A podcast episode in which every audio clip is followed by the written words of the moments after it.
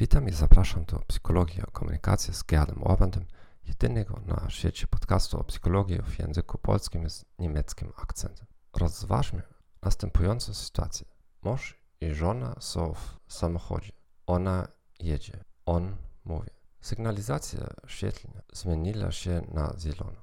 Według niemieckiego profesora Friedemana Schulz-von Thuna z Uniwersytetu w Hamburgu każda wiadomość ma cztery strony.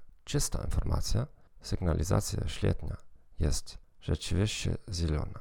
Rewelacja o osobie mówiącej śpieszy, wezwanie do działania, proszę zacznij jechać. Informacje na temat relacji między dwiema osobami. Nie ufam Twoim umiejętnościom prowadzenia pojazdu. Potrzebujesz mojej pomocy. Żona w samochodzie słyszy jednym z czterech uszu. Potrafi skupić się na informacjach o związku. W takim przypadku może być zła, rozczarowana lub smutna. Lub może skupić się na obiektywnej informacji. Dziękuję za przypomnienie. Jest rzeczywiście zielony.